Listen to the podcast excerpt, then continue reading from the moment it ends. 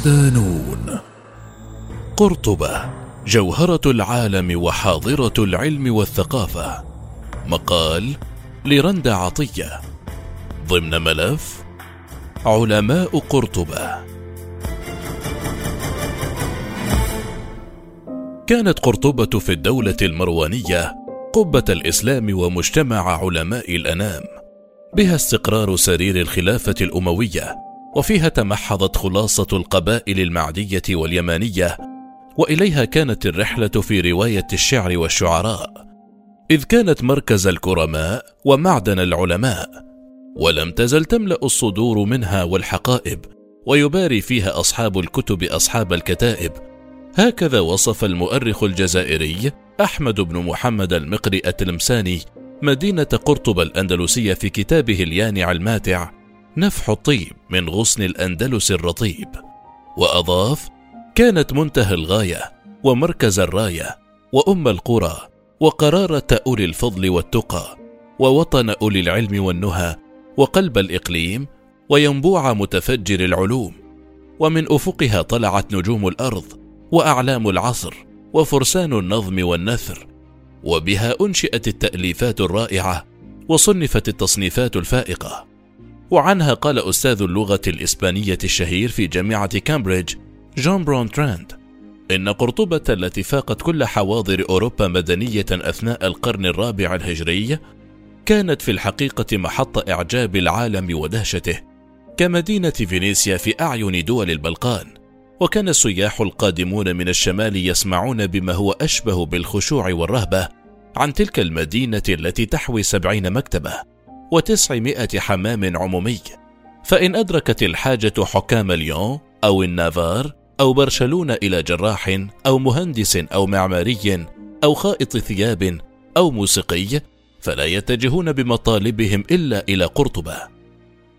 قبل ألف عام تقريبا من الآن كانت قرطبة تلك المدينة التي تقع على نهر الوادي الكبير في الجزء الجنوبي من إسبانيا وفتحها القائد الإسلامي الشهير طارق بن زياد عام 93 للهجرة الموافق وأحد عشر للميلاد واحدة من قلاع العلم والثقافة في العالم حاضرة تقارع عواصم الخلافة الإسلامية في بغداد ودمشق والقاهرة وتحولت في وقت لا يساوي في حساب الزمن لحظات إلى منارة تهدي الحيارى وقبلة يقصدها العلماء والباحثون. وكانت أحد شظايا العلم التي أنارت أوروبا وزودتها بمداد النهضة والارتقاء لعقود طويلة. وأصبحت قرطبة في القرن الثامن الميلادي في عهد عبد الرحمن الناصر أول خليفة أموي في الأندلس ومن بعده ابنه الحكم المستنصر حاضرة العلم والعلماء ومعقل خزائن المعرفة في شتى المجالات. حتى باتت تجارة الكتب أنعش تجاراتها وأكثرها ثراء ورواجا. وبلغ العلماء بها مبلغا لم تشهده حواضر الدولة الإسلامية من قبل حتى إن المؤرخين عجزوا عن حصرهم بالكلية لكثرة عددهم وتشعب مدادهم. في الحلقة الأولى من ملف علماء قرطبة نلقي الضوء على تلك الحضارة الأندلسية الإسلامية العظيمة التي شهد بها الجميع. الخصوم قبل الحلفاء لنسلط الضوء على تلك المنارة الثقافية العلمية التي لا تزال تنهل منها أوروبا حتى اليوم. ثم نعرج سريعا على أعلام تلك الحاضرة لنقف على إسهاماتهم في إثراء الحضارة الإنسانية. قرطبة تحت الاستعمار الروماني. مرت قرطبة عبر تاريخها الممتد لمئات السنين بالعديد من المراحل والمحطات التاريخية التي أثرت في دورها الحضاري وقيمتها الإنسانية إلا أن هناك محطتين رئيسيتين عكستا مسار الانتقال من كونها مستوطنة رومانية إلى مدينة إسلامية وصولا إلى حاضرة الخلافة ومنارة العلم ودرة تاج الدولة الإسلامية. قرطبة مستعمرة رومانية حين سيطر الرومان على قرطبة التي كانت على الجانب الشمالي لنهر بيتيس قديما الوادي الكبير حاليا. عام 206 قبل الميلاد حولوها إلى مستوطنة وفرضوا الهيمنة الكاملة عليها إذ كانت أرض رخاء ونماء زراعي واقتصادي. ثم صارت بعد ذلك عاصمة لإحدى الولايات التابعة للإمبراطورية الرومانية وكانت تسمى بيتيكا وتقع جنوب إسبانيا حاليا. استمر حكم الرومان لقرطبة قرابة 700 عام لكن الهيمنة الرومانية تلاشت بعد سقوط المدينة في أيدي قبائل البرابرة التي كانت تحكم قبضتها في ذلك الوقت على شبه الجزيرة الأيبيرية أي البرتغال وإسبانيا رفقة بعض القبائل الأخرى كالويندال وظل تحت سيطرتهم حتى احتلها البيزنطيون ومن بعدهم القوط الغربيون حتى فتحها المسلمون في القرن الثامن الميلادي عام 711 ميلادي تحت الحكم الإسلامي. فتح المسلمون قرطبة على يد القائد طارق بن زياد وجيشه الجرار الذي استطاع السيطرة على تلك المدينة الحيوية بعد نزاع طويل مع الروم البيزنطيين. ومرت المدينة تحت الحكم الإسلامي الذي استمر قرابة أربعة قرون كاملة بأربع مراحل. أولها عصر الولات فبعد فتح المسلمين لقرطبة وقتل ملكها لذريق جعل الأمويون الأندلس ولاية تابعة لولاية المغرب حتى جعلها أمير المؤمنين عمر بن عبد العزيز تابعة للعاصمة الأموية في دمشق بشكل مباشر فيما جعل الأمويون قرطبة مقرا لولايتهم في الأندلس وظل تحت سيطرتهم حتى سقطت الدولة الأموية عام 750 ميلادية على أيدي العباسيين. ثانيا عصر الأمويين. بعد سقوط الدولة الأموية في دمشق فر الأمير عبد الرحمن الداخل الملقب بصقر قريش إلى الأندلس على رأس جيش كبير وأحكم قبضته عليها عام 756 ميلادية وجعل قرطبة عاصمة له. وتحت ولاية الداخل شهدت المدينة أزهى عصورها على الإطلاق. فقد بدأ الأمير في وضع اللبنات الأولى لبناء عاصمة تليق بالخلافة الإسلامية. فبدأ في بناء جامع قرطبة الكبير كجامعة لتلقي العلوم ودخول المدينة عصر النهضة العلمية الشاملة. فكان يضم نحو سبعة وعشرين مدرسة يدرس فيها أكثر من أربعة آلاف عالم وطالب علم. ثالثا عصر المرابطين. بعد سقوط الخلافة في الأندلس في العقدين 1020 و 1030 ميلادية بسبب ثورة البربر وتشرذم الحكام وضعف الأنظمة ونشوء ملوك الطوائف تقسمت الأندلس إلى ولايات عدة. بعض المؤرخين يشير إلى 12 دويلة. أشهرها غرناطة وإشبيلية وألميرية وبلنسية وطليطلة وسرقسطة والبرازين وبطليوس. فيما تنازع حكام تلك الولايات خاصة إشبيلية وطليطلة على قرطبة قرابة أربعين عاماً. حتى سقطت في النهاية في أيدي ملك إشبيلية المعتمد بن عباد عام 1078 ميلادية.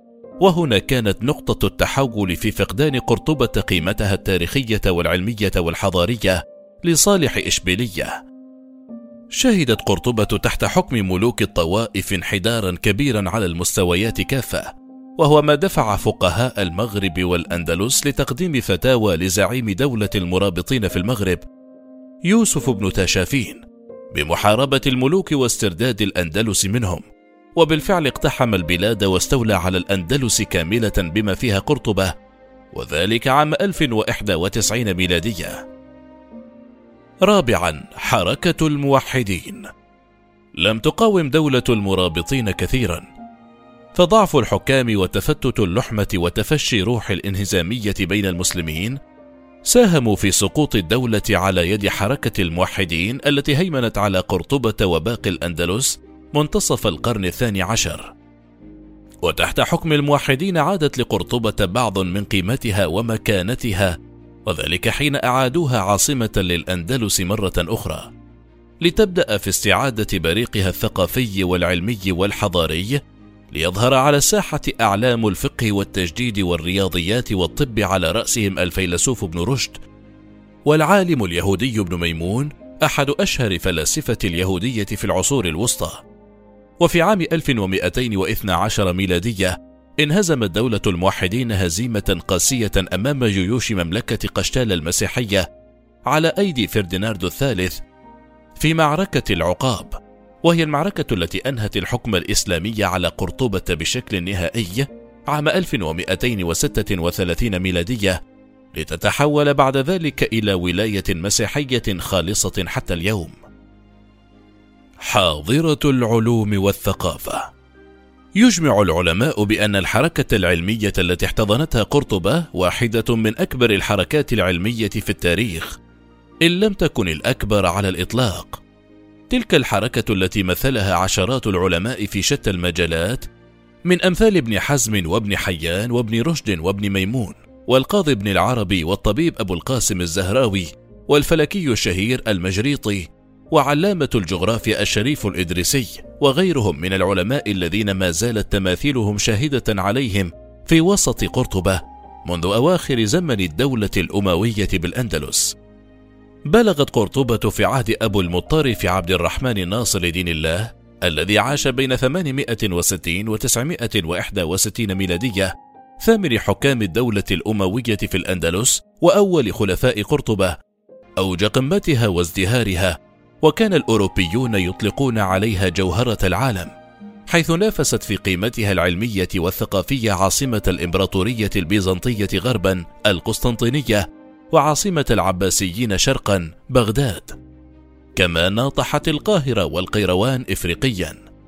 لم يدخر الأمويون مالا ولا جهدا لتحويل قرطبة إلى عاصمة للثقافة والعلوم فبرعوا في كل شيء الزراعة والتجارة والصناعة واستخدموا أحدث الأساليب الزراعية من شق الترع وحفر القنوات وإقامة المصارف كما حولوا الأندلس بصفة عامة إلى بستان كبير. ولم يغفلوا الصناعات التسليحية فأبدعوا في بناء الحصون وصناعة العديد من الأسلحة. انتقلت قرطبة في مسارها العلمي إلى مرحلة جديدة خلال الخمسين عاما من 1031 إلى 1086 ميلادية حيث العناية بالعلوم الدقيقة والدعم الذي وجهه ملوك الطوائف للعلماء وطلبة العلم والباحثين. فحلقت بعيدا في مجال الطب والعلوم الطبيعية والنباتات وكان من نخبة علماء ذلك العصر أبو القاسم الزهروي المعروف عند الغرب باسم الزهرفيوس أو البوقاسيوس وأبو مروان بن زهر وسيتم إلقاء الضوء عليهم تفصيلا لاحقا. كما نجح علماء قرطبة في تقديم العديد من الإسهامات في مجالات علوم الفلك فوضعوا تقويمات إسلامية بدلا من التقويمات التي كان معمولا بها كما أسسوا بعض المفاهيم الفلكية والنظريات وحددوا أوقات الصلاة وكان من أشهرهم أبو القاسم المجريطي وابن حزم الأندلسي وأبو إسحاق بن الزرقاني. ومن الفلك إلى الجغرافيا حيث تجاوز علماء قرطبة إسهامات علماء اليونان والرومان ووضعوا نظرياتهم الخاصة التي نسبت إليهم حتى اليوم. ومن أشهرهم الشريف الإدريسي وأبو عبيد البكري صاحب الكتاب الشهير المسالك والممالك. الصادر عام 1068 ميلادية الذي ضم الكثير من المعلومات عن غانا وسلالة المرابطين وطرق التجارة من خلال الصحراء. ولعلماء قرطبة باع طويل في الهندسة المعمارية والرياضيات وعلى رأسهم أبو القاسم أصبغ بن محمد بن السمح المعروف باسم المهندس الذي وضع العديد من النظريات وحل المعادلات التربيعية والتكعيبية. وكل ما يتعلق بالخطوط المنحنية والمستقيمة وعالم الطيران المعروف عباس بن فرناس صاحب الإسهامات الجليلة في مجال الفلك والكيمياء والشعر والفلسفة وكان يلقب بحكيم الأندلس. ولعل إنجازه الأشهر والمرتبط به حتى اليوم في ذهن أطفال وشباب المسلمين كان في مجال الطيران عندما أقدم على القفز من برج مسجد قرطبة مستخدما المظلة التي صنعها بنفسه. لا تزال حتى اليوم عشرات المعالم المعمارية الحاضرة في قرطبة شاهدة على حجم تلك الحضارة والدور الذي لعبته في إثراء المسيرة الإنسانية ومنها مسجد قرطبة الذي كان جامعا وجامعة. وهو قلعة معمارية لا يمكن مضاهاتها وعلامة فارقة في تاريخ الفنون الهندسية من الصعب تكرارها. كذلك قنطرة قرطبة المعروفة بالجسر. التي تقع على نهر الوادي الكبير ويبلغ طولها سبعة وثلاثين مترا تقريبا وعرضها ثمانون ذراعا وارتفاعها ستون ذراعا والذراع يساوي 46 سنتيمترا فاصل اثنين. هناك أيضا قصور الروضة والرصافة ومدينة الزهراء التاريخية وجامع طليطل الصغير والحمامات الشهيرة التي تعود إلى القرنين الحادي عشر والثاني عشر الميلاديين. فضلا عن عشرات القلاع الدفاعية وأبرزها قلعة مريدة التي أنشئت في عهد عبد الرحمن الثاني سنة 220 هجرية الموافق ل 835 ميلادية. وتشبه القلاع البيزنطية في عمارتها حيث السور المربع المبني من الحجر المنحوت والأبراج المستطيلة والمربعات والباب المخفي عن الأنظار.